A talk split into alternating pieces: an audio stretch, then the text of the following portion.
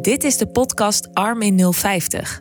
Een podcast van Oog over armoede in Groningen.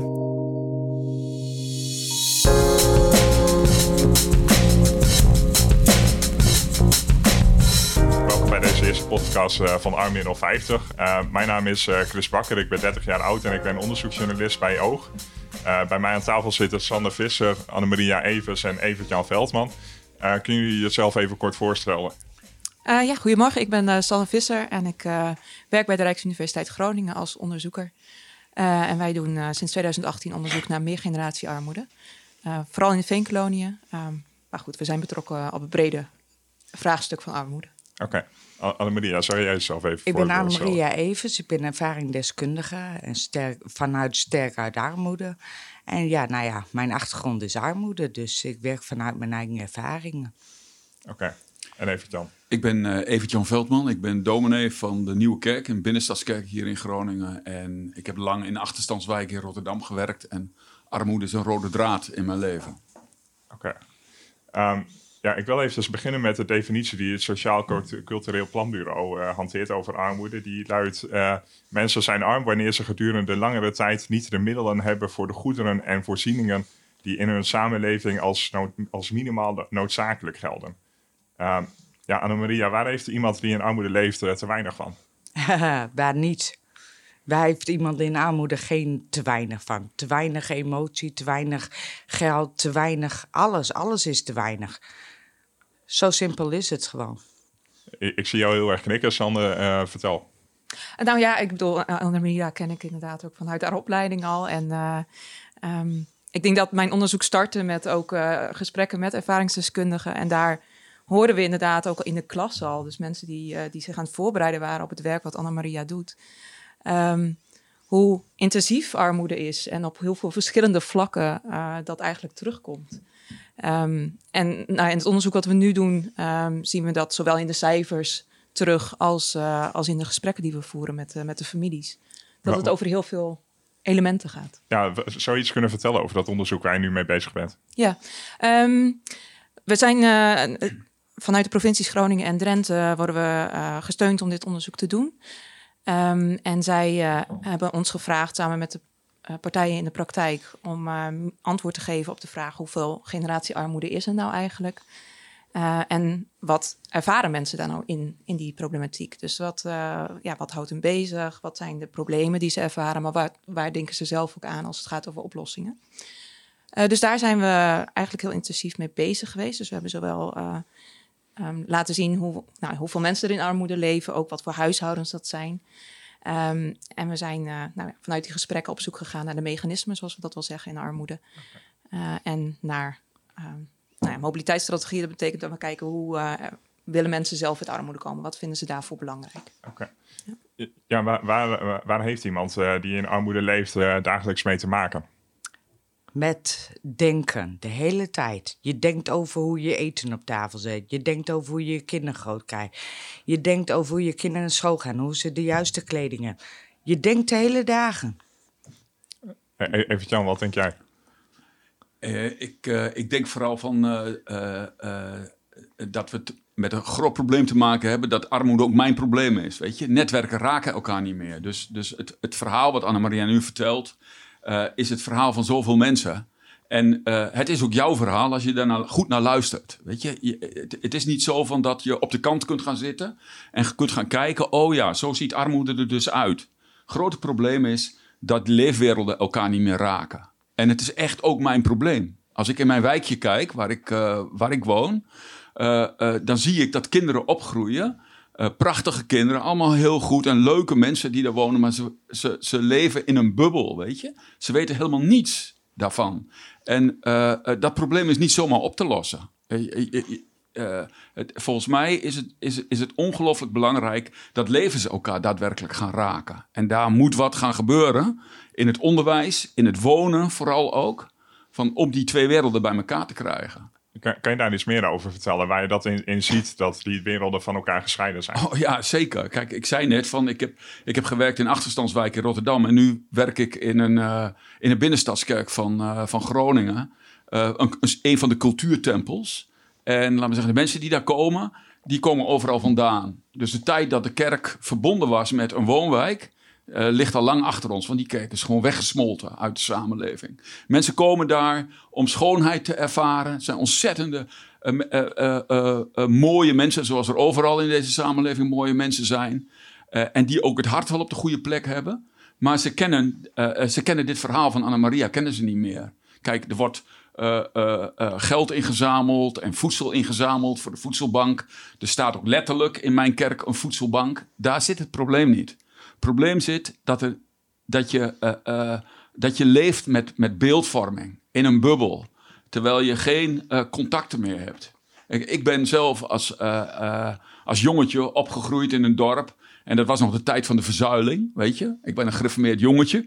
En, maar het, het, voordeel daarvan was dat, dat arm en rijk zaten in die bubbel. Mijn hartsvriendje was zo arm als een kerkrad.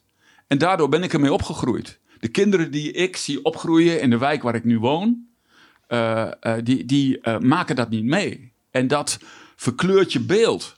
En, en, daarom heb ik er tamelijk veel moeite mee wanneer er, laten we zeggen, naar armoede gekeken wordt vanaf de kant. Dus het gaat echt om het grote probleem dat leefwerelden elkaar niet meer raken. Hoe, hoe zie jij dat, Sanne? Uh, vanuit onderzoeksperspectief uh, herken ik dat. En ook vanuit mijn eigen perspectief. Dus dat is, uh, dat is iets wat, wat mij ook wel heel erg raakt. Um, dus onderzoekstechnisch, als ik echt kijk naar het verhaal van de families, dan zien we heel erg terug dat het, dat het voor de jongeren soms heel erg lastig is om een stap te maken naar iets wat ze niet kennen. Dus ook vanuit armoede te leren kennen van waar kan ik dan naartoe? Wat zouden stappen zijn die mij uit die armoede halen? Uh, dat moet je leren herkennen. En dat komt inderdaad van twee kanten. Dat kun je niet alleen maar verwachten van die families die, uh, die met weinig geld moeten leven. Daar zullen we als samenleving een stap naar elkaar moeten doen. Om, dat, om dat laagdrempeliger te maken, om dat makkelijker te maken. dus dat herken ik in die zin gewoon ook uit de verhalen van de, vooral van de, van de jongste generaties in die families. Um, en ik denk dat het mij persoonlijk inderdaad ook, en ik heb dat wel eerder ook, ook wel verteld, denk ik um, mij persoonlijk wel heel erg raakt ook. Dat ik denk van ja, uh, hoe, hoe, kan het nou zo zijn dat we zo ver van elkaar afstaan en van, van elkaar afleven, dat het zo moeilijk wordt om, uh, om daaruit te komen. Ja, ja e-, e even pra praktisch. Want nou ja, armoede, dat is voor heel veel mensen toch financiële armoede. Um, ja, ik heb dan zelf dat beeld uh, voor me dat, dat je heel erg moet opletten met de boodschappen doen. Uh, hoe gaat dat dan praktisch gezien? Als je boodschappen moet doen als je ja, te weinig geld hebt of dat soort praktische zaken, hoe gaan dat? Hoe gaan dat soort dingen? ja, vertel maar. Ja, nou, je bedenkt van tevoren wat je wilt gaan eten. Dan hou je er rekening mee wat niet te veel kost in de winkel. Dus je hebt meerdere opties. En dan is het ook nog zo eigenlijk zo, je weegt af. Je bent constant aan het afwegen. Kan ik dat nemen? Kan ik dat niet nemen? Kan ik dat nemen? Kan ik dat nemen? En dat is de hele dag door. Dat ga je met alles doen. Een pakje koffie weeg je af. Uh, een brood weeg je af. Wat is beter? Oké, prima. Ik heb uh, een euro te veel uitgegeven voor de groenten, dus dan moet ik een euro kopen met wat anders. Zo doe je dat de hele dag door.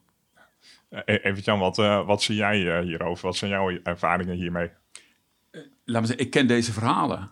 Dat, dat is het, weet je. laat me zeggen, maar ik, ik, ik kan mij er inmiddels, laat me zeggen, niets meer bij voorstellen. Ik luister gewoon goed.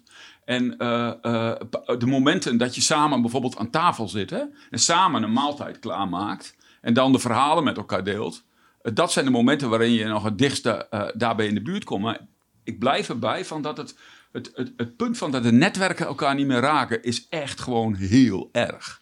En, en de ergernis bij mij zit vooral in, laten we zeggen, wij gebruiken het woord samenleving, maar dat, dat woord samenleving, dat wordt gedefinieerd van, van de mensen die op de kant zitten. Die, die, die zeggen: oké, dit is samenleving, weet je. Maar er, er zijn aspecten die niets meer met samen te maken hebben. En, en we laten dat gewoon gebeuren. We denken dat het een soort van noodlot is, dat die twee werelden uit elkaar geraakt zijn. Maar er zitten gewoon ook politieke keuzes zitten daar gewoon achter. Uh, uh, dus moet je het opzoeken. En, en je moet plekken creëren waarin je uh, niet vanuit een, een, een, soort van wil om, om, om goede dingen te doen voor een ander contacten aan te gaan met mensen die armoede dagelijks meemaken, maar omdat je het zelf ook nodig hebt. Om, laten we zeggen, deze, deze wat wij dan samenleving noemen, goed te kunnen uh, analyseren van wat is hier eigenlijk aan de hand. En da daar, uh, eh, dat vind ik echt belangrijk. We moeten vrijplaatsen creëren waarin op een natuurlijke wijze je elkaar wel tegenkomt en die verhalen met elkaar deelt. En ik vind, laat me zeggen, tafels om te eten, vind ik bijvoorbeeld zo'n plek. Waarbij er niet. Wat, wat is dat? Gewoon nou, een tafel. Dit is een tafel. Hè? Ja. En, je, en, je, en je kunt maaltijden met elkaar houden. Want iedereen heeft eten nodig, weet je. En dan niet zo van, eh, van ik heb geld en ik maak een maaltijd voor, eh, klaar voor mensen die dagelijks eh, geen goede maaltijd op tafel kunnen zetten. Maar je doet dat gewoon samen. Want je hebt samen heb je eten nodig. En op het moment dat je aan tafel zit met mensen, deel je ook verhalen. Dat is, laat me zeggen, zijn hele kleine, basale dingen, maar die vind ik ongelooflijk belangrijk. Ja. En als ik kijk naar mijn eigen setting waarin ik werk, als je praat over kerken, dan denk ik van er is alleen maar toekomst voor kerken wanneer ze, eh, laat me zeggen, dat soort vrijplaatsen gaan creëren. En niet in een soort van religieuze bubbel gaan zitten, waarin ze alleen maar met het lijntje naar boven bezig zijn. Als een soort van hobby, weet je wel. De een die gaat naar yogales en de ander gaat nog naar de kerk. Uh, maar het gaat om het verbinden met het alledaagse. En er zijn een paar plekken uh, die, die, waar dat nog gebeurt. Dus als ik, als ik kijk naar de Korrewegwijk, naar het pand, daar is een soort van kerkgemeenschap ontstaan. Die, die uh, betrokken is op die buurt, die onderdeel is van die buurt. Waar mensen zelf, laten we zeggen, weten elke dag wat armoede is. En dan da, op zulke plekken worden de dingen bij elkaar gehouden. Maar dat gebeurt eigenlijk heel weinig meer als het gaat om, om kerken. Ja, heeft het dan ook een beetje mee te maken met dat we, nou ja, je had dan eerder de verzuiling, dat we nu naar een soort van nieuwe verzuiling zijn gegaan? Ja, het, het is, uh, het is echt, uh, laat me zeggen, de, de, de, de grenzen zijn zo scherp.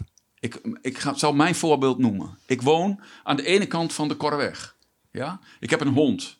En ik, mijn oren zijn goed geoefend. Dus ik, ik, laat me zeggen, mijn beroep is goed luisteren naar mensen als ik, laat me zeggen, uh, aan mijn kantje van de, de Korreweg loop, heb ik totaal andere gesprekken met mensen als ik aan de andere kant van die Korreweg loop. Dat, zijn, dat, dat is één, laat me zeggen, op een, op, op een vierkante kilometer uh, zie je aan de ene kant bakfietsen, huizen die vernieuwd worden. en je ziet, om, om het te kunnen wonen moet je steeds rijker zijn. Hè? Dus de, de, je ziet een wijk rijker worden. Ja. En aan de andere kant zie je gewoon, uh, uh, uh, ja, en hoor je de verhalen van armoede. Precies. En die twee werelden dus, liggen zo dicht bij elkaar. Dus één straat zit ertussen. En, en, ja, maar het bestaat uit hokjes. Ja. De samenleving bestaat uit hokjes en ieder zit in zijn eigen hokje. En oh wee als een ander dat hokje binnenstapt die er niet hoort. Het bestaat uit vooroordelen, stigma's, constant oordelen. Dat is ook een mooi ding. Er wordt constant geoordeeld. Er wordt bijvoorbeeld geoordeeld dat mensen in armoede het zelf niet willen, uh, niet intelligent genoeg zijn. Dat zijn allemaal onzinverhalen. Maar het is er wel. En aan de andere kant is er zoveel positieve kracht in die armoede. Want mensen die denken de hele dagen, die hebben geen rust. Ja, en ze zijn ontzettend creatief. En dat wordt niet gezien. En het is zo mooi om van afstand te kijken en te oordelen en alles te bedenken. Zoals de voedselbanken en al dat soort dingen. Is geweldig hoor. Maar de mensen wordt zelf niks gevraagd. Wat hebben jullie nodig? Alles ja. wordt georganiseerd buiten de groep om. Precies. Uh, ja, in de gemeente Groningen uh, wordt de definitie vastgehouden van, uh, van armoede. Iedereen met minder dan 110% van het vastgesteld sociaal minimum. Volgens mij is het uh, 1270 euro of 1370 euro in de maand. um, ja, dat is de definitie die de gemeente Groningen hanteert van armoede. Alleen wat ik zelf heel erg heb gehoord van, van aardig wat mensen is dat het eigenlijk iets anders zou moeten zijn. Namelijk uh, iedereen die door gebrek aan geld beperkt wordt in welzijn, welbevinden, gezondheid en dergelijke is arm. Maar wat denken jullie? Wat vinden jullie van die definities? Sanne, ik zie jou heel enthousiast kijken, dus vertel. Nou ja, als wetenschapper hebben ze beide nodig. Dus in die zin uh, kan de een niet leven zonder de ander. Dat is heel, heel cru. Um, maar je wil uh, zicht houden op hoeveel mensen in armoede leven in onze samenleving. En daar hebben we wel een soort van definitie van nodig. Dus we, we moeten ergens gaan afkappen. En dat is heel cru. En zeker als we kijken naar de mensen die in armoede leven, is dat niet altijd eerlijk. Uh, en daar, dat stuit denk ik veel mensen ook tegen de borst. We hebben uh, dat we kijken naar een afkappunt en het bestaansminimum zoals SCP uh, hanteert, is weer een, andere een ander meetmoment of een ander type meting. Um, Dus je, daar, daar zullen verschillende getallen uitnodigen. Dus wij zitten als wetenschapper natuurlijk altijd een beetje te, te hokken en te mokken van, nou, hoe, hoe kunnen we dat nou het beste hoe, over... hoe zoek je die balans? Nou, dat is best wel ingewikkeld. En dat is denk ik ook ons werk. eh, best wel ingewikkeld. Eh, zeker eh, als we naar het cijfermatige, cijfermatige wetenschap kijken. Is dat altijd een balans vinden in ja, wat kies je nou als, als, als definitie? Waar stel je die grens? Ehm, eh, we proberen dat natuurlijk landelijk gewoon zoveel mogelijk te volgen en daar ons ook naar te scharen, ook als we dat regionaal uitzoeken. Ehm, maar we hebben in dit onderzoek heel bewust de keuze gemaakt om ook te kijken naar wat is de definitie van armoede vanuit de mensen zelf. Eh, en daar die tweede die je noemt, dus eh, het gebrek aan kansen, het gebrek aan, eh, aan hoe je je leven op orde kunt houden hè? die, eh, die proberen we ook te hanteren en die ook te definiëren in dit onderzoek. Eh, dus we proberen Ja. beide kanten op te zoeken om juist om die balans te laten zien. Ehm, maar wil niet zeggen, we hebben ze wel beide nodig. Precies. Ja. E- Even Jan, wat zou volgens jou de definitie moeten zijn? Nou ja, ik, laat me zeggen, ik luister. eh, eh, eh, eh, ik ben niet zo van de definities, moet ik zeggen. Van, eh, dus eh, nogmaals, van, van, eh, eh, ik, ik ben van de gesprekken op straat en bij mensen thuis en zo. Van, eh, en, en laat me zeggen, dat zijn de verhalen die mij duidelijk maken wat armoede is. En wat mij opvalt in de definities is dat ze sterk geïndividualiseerd zijn. En eh, laat me zeggen, ik, weet, ik herinner me nog heel goed een vrouw eh, uit, eh, uit Rotterdam die tegen mij zei: Evert Jan, ik ben in enorme armoede opgegroeid. Ze woont nog steeds in diezelfde wijk. Ze zei van, we hebben, in die tijd hebben we de armoede gedeeld. Wij hoorden ergens bij. En dat maakte ons krachtig, weet je, dat. Nu, laat me zeggen, heb ik het vele malen beter en ik voel me vele malen armer dan ik toen was. Ja. Eh, eh, en da- dat is, eh, ik denk, laat me zeggen, dat onderdeel van, van dat, je, dat je onderdeel bent van een gemeenschap van mensen die zien wat, jouw kwaliteiten zijn. Niet jouw problemen, maar jouw kwaliteiten zijn. Dat is ongelooflijk belangrijk. En nogmaals, ik ervaar het ook zo van de armoede van een ander is mijn probleem hoor.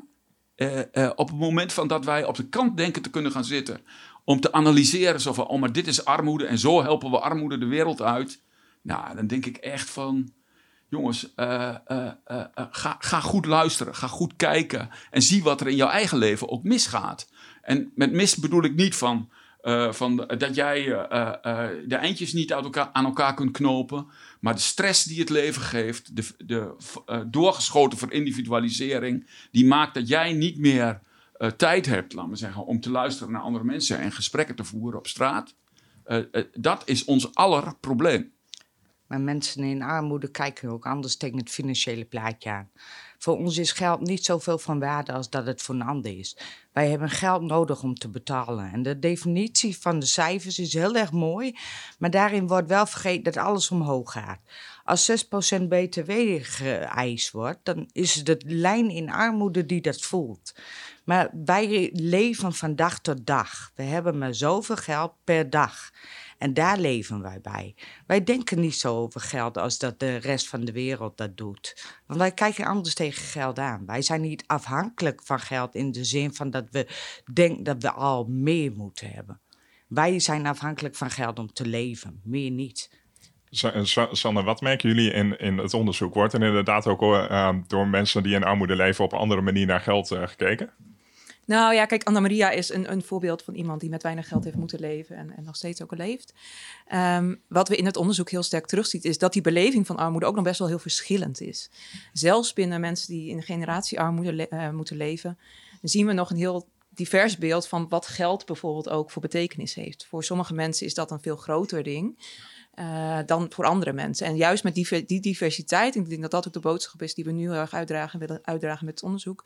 Juist die diversiteit binnen zo'n kleine groep als generatiearmoede, he- moeten we aandacht dus hebben voor ook veel meer maatwerk in beleid. We, we kunnen niet één eh, minimabeleid voeren als je het hebt over, eh, over generatiearmoede en armoede in de brede zin van het woord. Wat voor verschillende opvattingen kom je dan zoal tegen?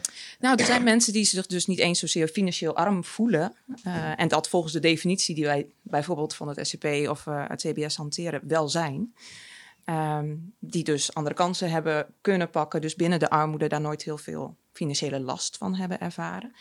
Eh, en gezien die dat wel heel sterk hebben gehad. En dat, nou ja, kan komen omdat ze door verschillende mechanismen in armoede zijn beland. Dus dat betekent dat soms eh, door ziekte dat is gekomen, waardoor de last soms heel sterk is geweest, omdat ze ook niet meer hebben kunnen werken. Ehm, En, soms dat ook is ontstaan uh, doordat de familie dus al in een hele slechte situatie heeft geleefd. En dus ook een andere manier van draagkracht is ontstaan binnen de familie zelf al. Uh, en dat maakt dat dus nou, dat het best nog wel heel divers is. Uh, en dat we dat wel heel erg ontdekt hebben. Dat we, of ontdekt, ik denk dat heel veel mensen dat al wisten, maar voor ons was dat wel een ontdekking dat we daar nog wel heel veel aandacht voor moesten hebben. Um, uh, nou, verschillen ook in, in hoe groot het sociaal netwerk bijvoorbeeld is. Dus sommige mensen die toch nog heel veel vrienden uh, kunnen onderhouden. En helemaal niet zo in zo'n sociaal isolement leven. Uh, terwijl anderen dat veel meer hebben moeten opgeven, omdat ze niet hebben kunnen investeren in, in, in, buurt of vrienden. Dus nou, die diversiteit, dat, dat is wel iets wat we heel erg, heel erg nou ja, willen laten zien. Van oké, we moeten daar aandacht voor hebben dat iemand zoals Annemaria misschien met heel andere hulp of met andere ondersteuning uh, geholpen zou zijn of geholpen is dan, uh, dan iemand anders die in armoede leeft en al langdurig in armoede leeft. Ja, want, want dat is ook wel een van de, de voorbeelden die ik het vaakst uh, hoor van dat nou ja, kinderen geen geld hebben om, om een verjaardagscadeautje te kopen en dan kunnen ze niet naar verjaardagsfeestjes toe en op een gegeven moment dan zijn ze ook niet meer welkom. Ja, ja. ja dat klopt. Ja, zijn het ook van dat soort voorbeelden die jullie ja, maar dat zijn ook, ook heel veel vooroordelen. En uh, daarmee wilden ze iets kenbaar maken. En dat begrijp ik heel goed hoor. Maar kijk, ik ben opgegroeid met verwaarlozing, geweld en mishandeling, geestelijk en lichamelijk. Dus dat financiële plaatje was niet zo belangrijk voor mij hoor. Die voelde ik niet eens. Ik voelde het pas toen ik zelf kinderen kreeg. En dat ik mijn kinderen niet kon geven wat ik graag wou. Ja, want... Toen begon ik pas de armoede te zien. En je, je merkt het aan andere mensen. Maar ik zei het al, als je in armoede leeft, ben je heel creatief. Ja. Mijn kleding koop ik niet nieuw, want dat is te veel. Dus ik ga op zoek naar andere kleding, tweedehands, wat er netjes uitziet. Dat is creatief denken. Dat doe je in armoede. Maar het is niet zo belangrijk, het is niet zo aanwezig. Okay. Um, ja, wij hebben ook op straat even gevraagd uh, naar, naar, wat men denkt over uh, armoede en wat voor uh, vooroordelen er op straat zijn. Um, ja, dit zijn een paar van de reacties. Wanneer leef je in armoede? Ik denk dat als je niet het geluk van het leven kan ervaren, denk ik. Ja. Dan moet je je wel erg arm voelen. Dat, dat het niet alleen met geld te maken heeft. Maar goed, wij wonen hier natuurlijk in het Westen, dus dat is heel makkelijk praten. Niet kunnen zorgen voor jezelf en je naasten. Als je in de maand op tientje tekort komt, ja, dan is het armoe. Maar wat is een armoede? Armoede. Armoede. Wat is dat? Gewoon dat je te weinig van iets hebt wat je wel zou willen hebben. Dat, ja, dat, dat het betekent dat je niet rond kunt komen en dat het heel erg is. Uh, de armoede kan ook, uh, kan ook zijn dat je eenzaam bent. En daardoor niet mee kunnen komen in de maatschappij. En daardoor achtergesteld zijn. En dan kom je er ook niet meer uit. Het onderwerp is toch moeilijk te bespreken natuurlijk. Je zegt niet graag dat je geen geld hebt of iets dergelijks. Dus ja, het is wel een pittig onderwerp. Je kunt ook uh, een wereldreis gaan maken en dan als het niet lukt, ben heb je, zit je niet per se in armoede, maar de, ja, de basisnoodzakelijkheden. Ja, wat rijkdom is, is ook armoede. Ja, Annemaria, wat denk jij van deze reacties? Ja, ik vind ze mooi. Voor, vond vooral die eerste. Dat omschrijft eigenlijk alles. Dat is armoede. Het maakt niet uit. Armoede is niet alleen financieel. Dat is gewoon wanneer je niet gewoon kan leven. Geen zelfredzaamheid hebt. Dat is heel belangrijk. Het maakt je minderwaardig. Het minderwaardige gevoel wat je eraan overhoudt. Je wordt ook anders benaderd, hè? ook door instanties. Het is heel erg leuk dat er een heel mooi armoedebeleid is. Maar als jij naar een instantie gaat en je noemt waar je straat eh, is, nou, dan heb je al direct die stempel. Het vooroordeel. Want hoe was het voor jou om, uh, om op te groeien? hoe was het voor mij om op te groeien? Toen ik opgroeide, toen was het voor mij gewoon normaal.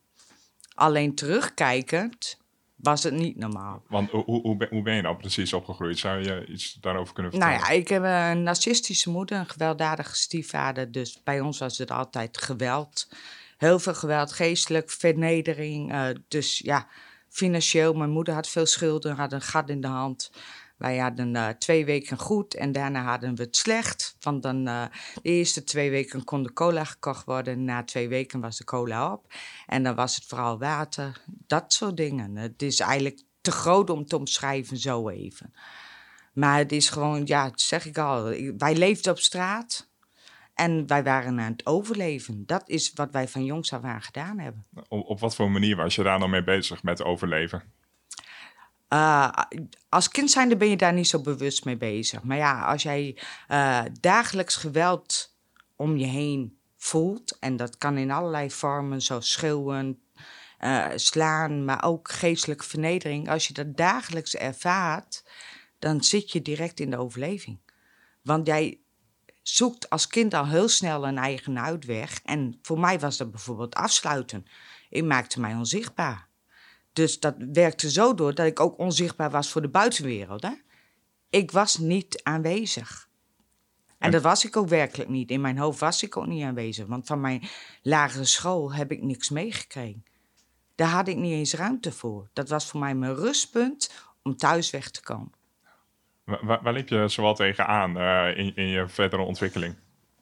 Nou ja, uh, structurele geloven. Mijn moeder die, uh, en mijn, of mijn ouders dan, die hebben een ontwikkeling neergezet bij ons die wij zijn gaan volgen. Ik heb bijvoorbeeld verkeerde partners gekozen.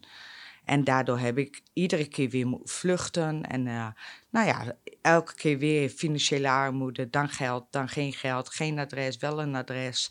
Dus, en dat vroeg kinderen. En zo gaat het maar door. Totdat je de, de, cirkel doorbreekt natuurlijk. Maar je kunt niet alleen de cirkel doorbreken. Hè? Daar heb je hulp bij nodig. Maar wel de hulp die jij nodig hebt. Niet dat een ander beslist wat voor hulp jij nodig hebt. Wat meneer al zei. Van, uh, het is niet zo van dat een ander jou helpt om hun eigen geweten te sussen. Hè? Vraag wat de mensen nodig hebben. Dat is, wat ze, dat is waar het om draait. Om te vragen wat ze nodig hebben. Want niet iedereen heeft hetzelfde nodig. Net wat de, Sanna al zegt, maatwerk. Kijk, ik had een hele andere hulp nodig. Dan dat een ander met financiële armoede heeft. Dan, dat kun je oplossen met geld. Wat, wat voor hulp had je dan wel nodig die je niet hebt uh, gekregen? Dat ik gezien werd. Dat. Op wat voor manier? Gezien. Ik, uh, ik was onzichtbaar. Had iemand mij maar gezien, had iemand mijn kwaliteiten maar gezien. Dan was ik veel verder gekomen en dan had ik niet blijven steken in het leven. En was ik niet mijn patroon gaan bewandelen die ik van mijn ouders heb doorgekregen. Want hoe ben jij er, er wel uitgekomen? Op eigen kracht. Hoe, hoe heb je dat gedaan? Ik ben heel positief en ik heb een hele sterke wil. En ik wist één ding zeker: mijn kinderen zouden niet hetzelfde krijgen als ik. En in ieder geval een toekomst. Met dezelfde alle rechten en plichten die iedereen heeft. Gelijkwaardigheid. En wat heb je gedaan om, om daarvoor te zorgen dat jouw kinderen niet uh, op diezelfde manier uh, opgroeien? Heel hard vechten. Tegen heel veel deuren aantrappen en uiteindelijk, nou ja, mijn uh, opleiding tot ervaringsdeskundige. Ja. Ja. Ja, ja, Sanne, jij bent ook heel erg bezig met generatiearmoede. Waarvan Annemaria volgens mij wel een voorbeeld is. Ja, Sanne, kan jij wat vertellen? Wat, wat houdt generatiearmoede in? Um, nou ja, wij zien generatiearmoede in ieder geval iets wat wat langer, langer duurt. Dus mensen hebben langer, moeten langer teren op nou ja, weinig inkomen, maar ook uh, kansenongelijkheid in de brede zin van het woord. Um, dat wil niet zeggen dat het erger of minder erg is dan kortdurende armoede. Dat kan natuurlijk ook heel heel belastend zijn. Um, maar wat, we, wat anders is, denk ik, generatiearmoede... en wat Annemarie net ook al wel, wel heel mooi aangeeft... is dat haar ouders dus ook al een, een rol speelden in hoe, zij het, uh, hoe haar leven is ontwikkeld. Um, dus we zien dat die generaties meer met elkaar te maken hebben... en langduriger met elkaar te maken hebben... Um, dan niet generatiearmoede. Dus dat is hoe wij het, uh, hoe wij het daar ook in hebben benaderd. We hebben ook in het onderzoek uh, geprobeerd van verschillende families zoveel mogelijk generaties te um, interviewen. Dat was soms ook lastig, omdat uh, niet alle gezinnen elkaar meer kenden of, of, of de laatste of de eerste generatie, het is even hoe je het bekijkt, um, niet meer in leven is of was. Um, dus dat, dat maakte dat soms ook wel complex. En daar zie je ook al dat, dat, dat die generatiearmoede soms heel erg um, de familie ook hard treft. Um, door ruzies, door nou ja, onmogelijke, onmogelijke relaties. Um, ja, dat dat gewoon heel, heel hard kan zijn. Uh, en nou ja, voor iedereen, ik bedoel, dat zeg ik ook altijd, we hebben allemaal een vader en een moeder en daar hebben we dingen van geleerd. Uh, ook ik. Uh, en ik, ik steun daar nog steeds heel erg op. en nou ja, als dat complex is in je familie, dan zie je dat dat ook heel veel moeilijkheden kan opleveren in de jongste generatie. Dus daar, daar kijken we dan vooral naar. Ja, even Jan, wat, wat merk jij? Nou ja, uh, ik vind het mooi dat wat Sander zegt over dat iedereen heeft een vader en een moeder bij zich. ik, ik vind het mooi wanneer mensen kwetsbaarheid met elkaar kunnen delen. Dus het leven van mensen aan de goede kant van de streep, die het goed geschoten hebben, kunnen, kunnen ongelooflijk complex zijn. Dus ik heb bijvoorbeeld in een. ik ben altijd heel ik vind het altijd heel spannend. Maatjesprojecten bijvoorbeeld. Vind ik heel spannend. Omdat, laat me zeggen, twee mensen elkaar dan ontmoeten. En, en uh, laat me zeggen, de een komt de wereld van de ander binnen. Toch vanuit, laat me zeggen, om vanuit een goed hart. En laat me zeggen, zich te willen inzetten voor een ander. Maar je hebt iets anders nodig om, om het te kunnen laten slagen. Namelijk dat je elkaar ziet in jouw mens zijn en in jouw kwetsbaarheid. Dus ik heb in maatjesproject zien slagen. Waarom? Omdat, uh, laten we zeggen, beide een moeder hadden die dement was. Toen was er een basis om met elkaar in gesprek te raken. En, en uh, uh, toen kon je ook echt maatje zijn. dus ik vind, laten we zeggen, het, het, erkennen van kwetsbaarheid en breekbaarheid in het leven is, is cruciaal. Um, en dat is, staat tegenover het accent op zelfredzaamheid, wat, wat in onze samenleving hoog staat aangeschreven. En die dan ook, die zelfredzaamheid heeft ook te maken met nou, wat ik net zei, over als ik, als ik naar die definities van armoede uh, luister, dan zijn ze heel sterk verindividualiseerd. Uh, wat, wat, bedoelt u daar precies mee? Kunt u daar iets nou meer ja, over vertellen? Uh, laat ik dan teruggaan, laat me zeggen, naar mijn eigen basis. Ik zei iets van, ik ben in een dorpje opgegroeid. Ja. En laat me zeggen, ik had een vriendje die arm was. en dat was, was geen item, weet je? Hij was arm, ik niet. Maar we waren vriendjes en we deelden de straat. Dus je denkt vanuit, laat me zeggen, vanuit, uh, vanuit de gemeenschap. En die mevrouw die ik net noemde uit Rotterdam, die zegt van, mijn verleden was hartstikke arm in deze wijk. Uh, uh, maar ik ervaarde dat niet als arm, want wij deelden de armoede. En laat me zeggen, wij deelden de gaten die we met elkaar hadden, zei ze tegen mij. En nu, zei ze, nu ik in, dus nog steeds in dezelfde wijk woon en een veel beter inkomen heb, nu voel ik me arm, zei ze. En dat heeft dus te maken met die verbrokkeling van oude netwerken. Uh, en, en doorgaande uh, verindividualisering. Die hele mooie kanten heeft, die individualiteit. Maar je hebt altijd een ander nodig om je individualiteit te kunnen laten groeien. Je bent er niet alleen. Uh, Anna Maria heeft heel hard geknokt. Maar niemand is in staat om zichzelf uit, aan de haren uit het moeras te trekken. Niemand. Anna Maria niet, ik ook niet. Je hebt altijd hulp nodig. Je hebt altijd een ander nodig. En uh, uh, ik heb daar discussies over met vriendjes die zo liberaal zijn als ik weet niet wat. En die zijn me zeer dierbaar. Maar die doen alsof het ik uit de hemel is komen vallen, weet je. Je bent ik omdat er ooit iemand jouw naam met liefde genoemd heeft, weet je. Dus, dus je, je individualiteit eh, de basis van individualiteit zit in, in gemeenschapsvorming. En daar zit, uh, denk ik, een groot probleem in wat wij samenleving noemen. Maar die wordt dus niet door Anna Maria gedefinieerd. Die wordt door mensen aan de andere kant van de streep gedefinieerd. Het wordt samenleving. Ja, en die, die andere mensen aan de streep, wie, wie zijn dat? Dat ben ik. Bijvoorbeeld, ik doe mee aan, aan, aan dat soort debatten en ik begin er steeds alerter op te worden. Uh, uh, maar dat je dus, je, uh, Anna-Maria noemde het net vooroordelen. Ook daarin, van je hebt een bepaald beeld, weet je. En je kijkt naar de wereld om je heen en je geeft anderen en de wereld om je heen, geef je een plekje binnen jouw ideeën. En je denkt, dat is de samenleving, zo ziet hij eruit. En als ik maar genoeg uh, spreek met alleen mensen aan dezelfde kant van de streep, laat me zeggen, aan dezelfde kant van de korreweg, hè? Ja. dan kleurt dat totaal anders. Ja. En nu leer ik steeds meer vragen te stellen ook bij. Wat is dat eigenlijk, samenleving? Wie definieert dat? Wat merkt u zelf in uw eigen uh, gemeenschap? Ja, uh, uh, wat ik net zei, hè? Prachtige, een prachtige plek, de Nieuwe Kerk in het centrum van de stad. Cultuurminnaars, mensen met het hart op de goede plek. en laat me zeggen, ook bereid om dit soort gesprekken met elkaar te voeren. Maar de praktijk is van dat de werelden elkaar niet meer raken. Dus dat moet je, dat moet je opnieuw gaan creëren. En dat is verdraaide lastig in een samenleving waarin je een bepaald huisvestingsbeleid hebt, een bepaald onderwijsbeleid hebt. Als je niet meer bij elkaar woont, dan, uh, uh, ja, dan heb je wel een probleem. Ja, ik, ik, kan me voorstellen dat het dan voor beleidsmakers ook ontzettend lastig is Want ja, armoedebeleid, dat, dat zou je eigenlijk over alle fronten van een overheid moeten hebben.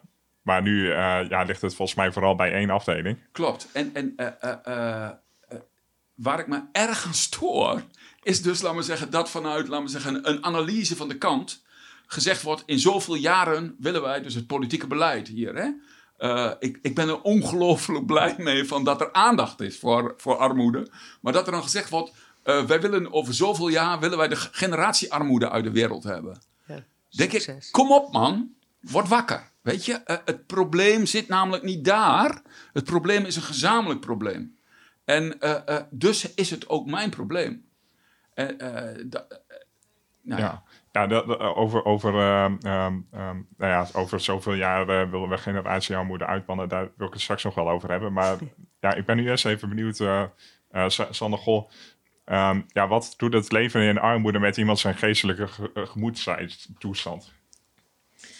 Um, nou ja, ik denk Annemaria gaf het net al een beetje aan. Dat er gebeurt natuurlijk on ontzettend veel. En uh, vanuit wetenschap uh, kennen we ook sinds een aantal jaren... is, is heel erg een opkomst gekomen, die, die stresstheorie. Uh, dus nou ja, dat je brein echt aan meerdere dingen aandacht moet geven. En dat dat soms heel erg lastig is. En dat, nou, waar we hebben het dan wel eens over, nou maak je dan goede keuzes als je een armoede, ik doe even de quotes, die zien mensen niet, maar ja. uh, goed, maak je goede keuzes als je in armoede leeft. Um, nou, nu wil ik het nooit hebben over goede keuzes, maar wat, wat, is, wat kan rationeel nog gebeuren in iemands hoofd als je dus heel veel andere dingen ook in je hoofd hebt? Um, ik geloof in die theorie. Ik geloof wel dat dat niet het enige is wat er gebeurt bij mensen. Uh, tuurlijk zijn er, zitten er heel veel factoren in je hoofd. Maar ik geloof ook wel dat er andere dingen spelen. Uh, zoals het ook in sociaal isolement leven uh, voor sommige gezinnen.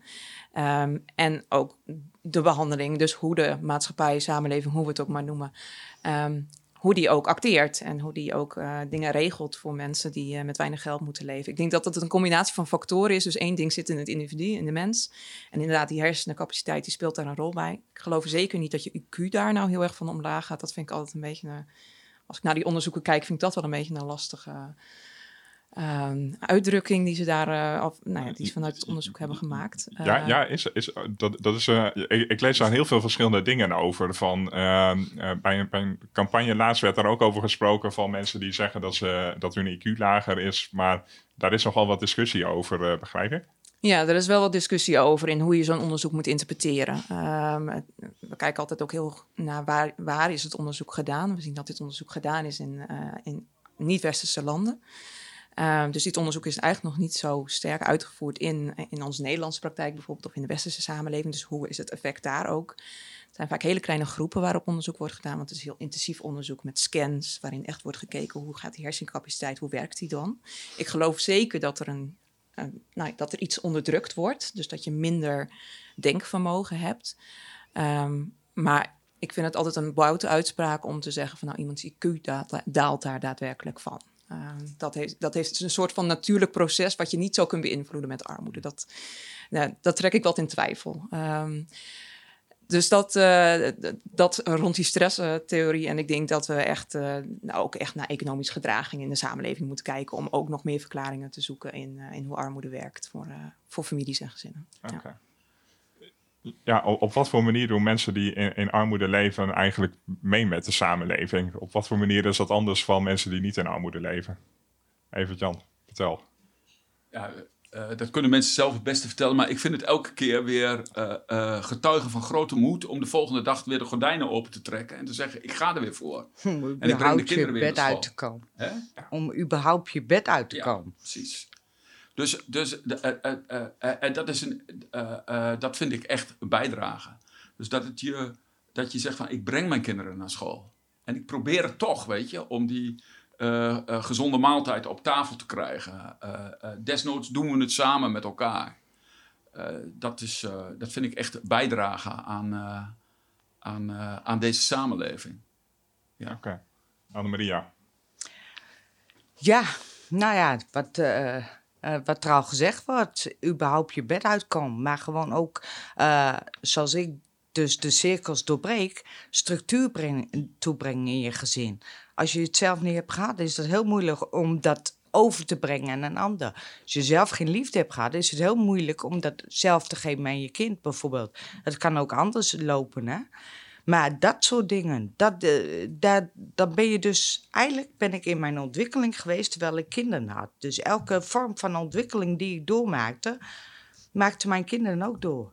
En dat kun je ook zien aan mijn kinderen. Want van alles wat ik heb meegemaakt, hebben mijn kinderen een stukje van in zichzelf zitten. Omdat ik op dat moment met die ontwikkeling bezig was.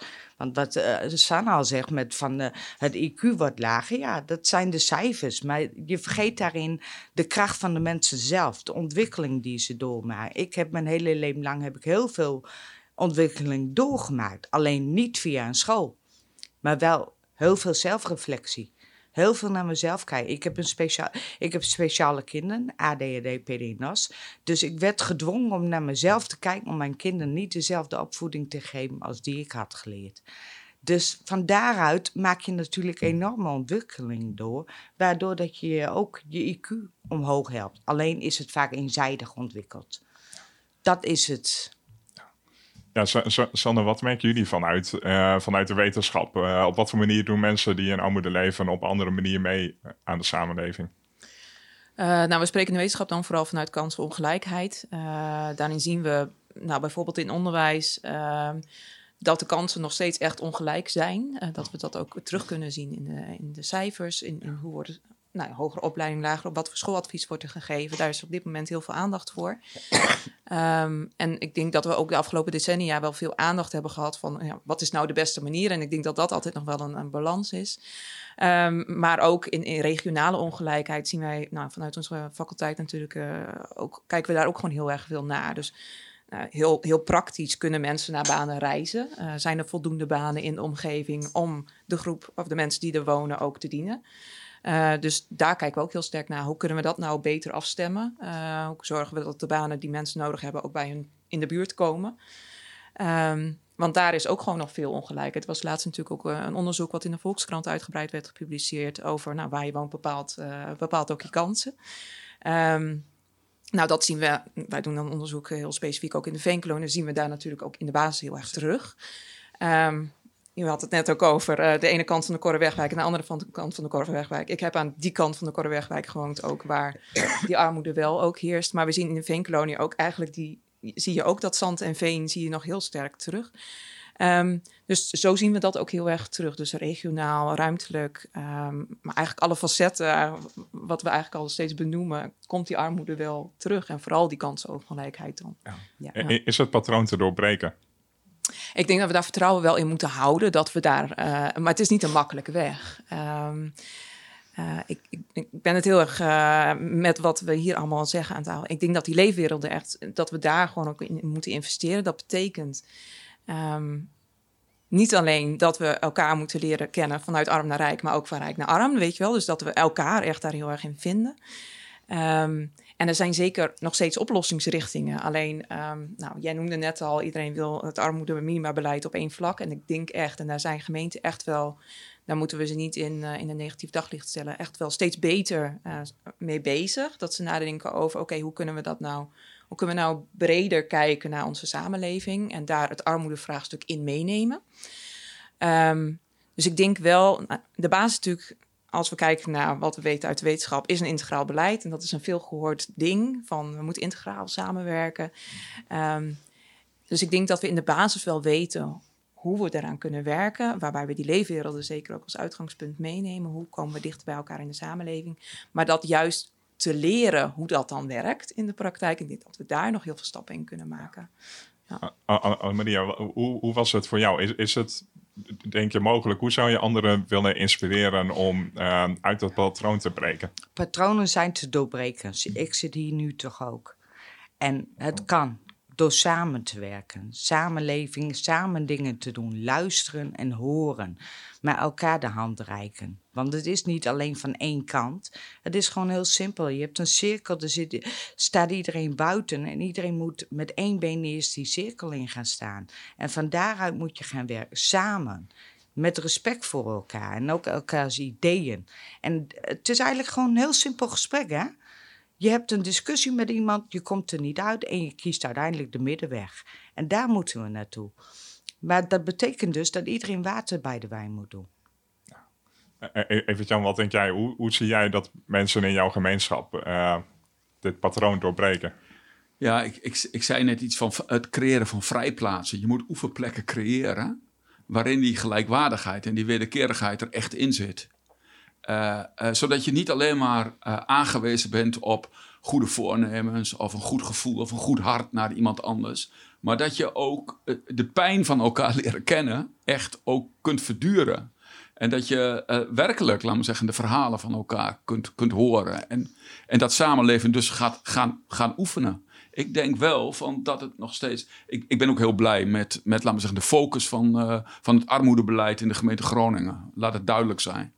Eh, maar ik, eh, eh, ik denk dat het een hele harde werkelijkheid is. Die, die, heel, ja, die scheidslijnen zijn gewoon heel scherp. En het is niet zo van dat we denken van... oh, maar dat hebben we nooit gezien en nu zien we het... en nu doorbreken we het wel. Want het gaat over zoveel dingen tegelijk. Dus daarom zet ik erg in op het creëren van vrijplaatsen, oefenplekken... waar dit soort dingen gebeuren. Dan Mag ik één hoogtepunt noemen voor mijzelf? Uiteraard. Van, eh, van, eh, eh, eh, ik, ik weet zelfs de datum nog. 14 december 2019. Een hip-hop-danser, Mohammed Yusuf Bos. eh, die ik had leren kennen. eh, die de wereld van de straat kent. Met jongens van de straat werkt. Die een dansvoorstelling gemaakt heeft op mijn kerk. Op die nieuwe kerk. Omdat hij eh, eh, zoiets had van... van eh, dit zijn van die plekken waar we elkaar zouden moeten kunnen ontmoeten. Het was de eerste keer in al die jaren dat ik hier nu ben, in, in Groningen, dat die kerk mutvol zat. En mutvol zit het wel vaker, maar altijd met een smal deel van de samenleving. Maar dat daar zwart, wit, jong, oud, eh, arm, rijk, laaggeschoold, hooggeschoold, allemaal bij elkaar zaten. En toen dacht ik van, yes, weet je, van... van eh, eh, maar ik zie ook van hoeveel daarin in geïnvesteerd is door zo'n hip-hop-danser, zo'n choreograaf die, die dat dan maar moet doen. En die dan ook maar, laten we zeggen, de financiën moet zien te werven om dat, om dat gedaan te krijgen. Maar dat, dat bedoel ik wel, ja, dat soort dingen. Ja. Er, er wordt nu eh, gewerkt aan een plan eh, door de gemeente om over 15 jaar geen, eh, geen generatiearmoede meer eh, te hebben. Ehm, ja, Sa- Sanne, wat, wat denk jij daarvan? Wat zou daar vanuit de wetenschap sowieso in moeten staan? Nou, daar voeren we ook wel gesprekken over met de gemeente, inderdaad. Ehm, nou ja, daar moet heel veel in staan. Eh, dus eh, kijk, ik ga het niet dat hele beleid nu, eh, nu benoemen. Ehm, we hebben het, nou, wat ik net ook noemde, over een integraal beleid. Dat betekent dus dat je over de brede linie gaat kijken. waar vindt het armoedevraagstuk, waar speelt dat een rol? Nou, dat betekent dus in vrijwel al die facetten. Ehm, dat betekent dus ook dat je ambtenaren vanuit heel verschillende hoeken moet leren wat, eh, hoe het armoedevraagstuk werkt eh, en wat zij daaraan bij kunnen dragen. Dus het, het vraagt ook echt wel wat, eh, wat heeft Jan net, al zei, van heel veel van de mensen daar om, om dat echt te gaan ervaren. wat, wat zij daar nou voor plek in kunnen innemen. Dus dat is de basis waar we, waar we over spreken. Daarnaast zijn we heel praktisch ook wel bezig met wat zijn die werkzame elementen nou van de verschillende interventies die echt over de hele brede linie al wel echt bestaan. Ehm, om ook te kijken van ja, wat, wat zet het nou voor zoden aan de dijk? Weten we daar nou echt ook al wel wat van? Ehm, om, om zo ook eh, nou, meer effectief en efficiënt, dat, dat klinkt een beetje naar, maar wel ook te gaan werken aan dat vraagstuk. Oké. Anne- Annemaria, wat zou er volgens jou eh, in moeten staan? Ja, dat is moeilijk in- om zo te benoemen. Ehm, ja, eigenlijk wat Sanne ook al zegt, maar er zijn gewoon zoveel factoren. Kijk, het is natuurlijk van eerder werd armoede ontkend? Dus daar is ook een ontwikkeling ontstaan, waardoor het alleen maar erger wordt. En eh, daar moet je eerst terug naar die basis. Waar is het misgegaan? Voordat je ook maar begint om verdere stap te ondernemen. Want als er in de basis iets misgaat, kun je niet verwachten dat de uitvoer uiteindelijk goed verloopt. Dat kun je niet verwachten, dat gaat nooit werken. Dus die basis is al een stuk misgegaan. Net, eh, wat meneer zegt, de samenleving is gesplitst. Het is geen samenhorigheid meer. Dus ja, als je daarna terug wil, moet je daarna terug. Die samenhorigheid, zie elkaar, erken elkaar, herken elkaar vooral. Want welke, welke groep je ook zit, zoveel verschil zit er niet in de verhalen. Het is alleen van, de een is daarop gegroeid en de ander heeft, de, is daarop gegroeid en die heeft wat meer geluk gehad. Want de keuzes, ja, dat hoor ik ook zo vaak. Goede of slechte keuzes. Maar je hebt niet alleen maar goede keuzes. Zeker niet in de armoedegrens. Als je twee slechte keuzes hebt, kun je kiezen voor de meest, minst slechte keuze. Ja, en, De, en dat soort dingen. Begeleid mensen. Ja, laat ze hun eigen krachten zien. Dat is heel belangrijk. Haal ze niet naar beneden. Laat ze zien wat ze in hun vermogen hebben. Eh, Ga gewoon te werk. Weet je wel, als je speciale kinderen hebt, kijk ook naar de kwaliteit van het kind. Oké, hij kan niet leren, maar hij is goed met zijn handen. Waarom kan dat niet in deze doelgroep? Waarom wordt die kwaliteit niet gezien? Dat is zo zonde. Het is alleen maar negatief. Mensen in armoede zijn zielig. Mensen in armoede kunnen niks. Mensen in armoede willen niet anders. Wie heeft dat soort ideeën gecreëerd? Waarom denkt iedereen dat wij niet anders willen? Maar het is een hele stap om uit die wereld te gaan. Want op het moment dat je die stap neemt, zit je tussen wal en schip. Dus hoor je dus nergens meer thuis. Niet meer bij je oude wereld, maar ook niet bij de nieuwe wereld. Daar heb je nog wat kracht voor nodig om dat te kunnen doorzetten. Ja, en dat red je niet alleen. en Waar heb jij zelf die kracht eh, uitgehaald? Waar ik die uit heb gehaald, mijn kinderen. En ik heb drie prachtige jongens die mij die kracht hebben gegeven. Daar heb ik mijn kracht uit gehaald. Daar is het mee begonnen. Dus voor mij is het een geluk dat ik heel jong met kinderen ben begonnen. Want daarmee is mijn ontwikkeling ook begonnen. Mooi. E- e- Even Jan, wat zijn, wat zijn jouw gedachten over... eh, Nou ja, ik, ik, ik, eh, eh, ik, ik snap de woorden eh, effectief en efficiënt, eh, maar die zijn me veel te instrumenteel. Eh, dus laat me zeggen, eh, er, zal geen effectiviteit zijn als er niet eerst wederkerigheid is. Dus dat, dat bij elkaar brengen van die leefwerelden is eh, randvoorwaarde om effectief en efficiënt deze samenleving te veranderen. En waarbij, dat, waarbij ik dan nog een keer wil zeggen, van dat daarmee niet het probleem van een ander wordt opgelost, maar ook mijn probleem. en waarom lost het ook jouw probleem op? Omdat ik niet in zo'n samenleving wil leven. Weet je, ik zie van eh, op het moment dat ik te lang, laat me zeggen, in mijn eigen bubbel blijf zitten, dat dat mijn wijze van kijken naar, de, naar, eh, eh, naar wat er om mij heen gebeurt, ernstig kleurt. En ik heb, ik heb een bredere gro- groep mensen en, en meer verhalen nodig om te zien wat er aan de hand is. Dus ik heb, ik heb deze verhalen van Anna-Maria heb ik gewoon nodig.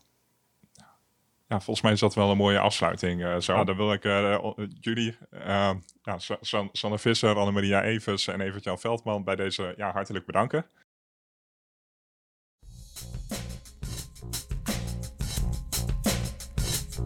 Leuk dat je luisterde naar de podcast Arm in 050. Dit onderzoeksproject wordt mede mogelijk gemaakt door het Stimuleringsfonds voor de Journalistiek en de provincie Groningen.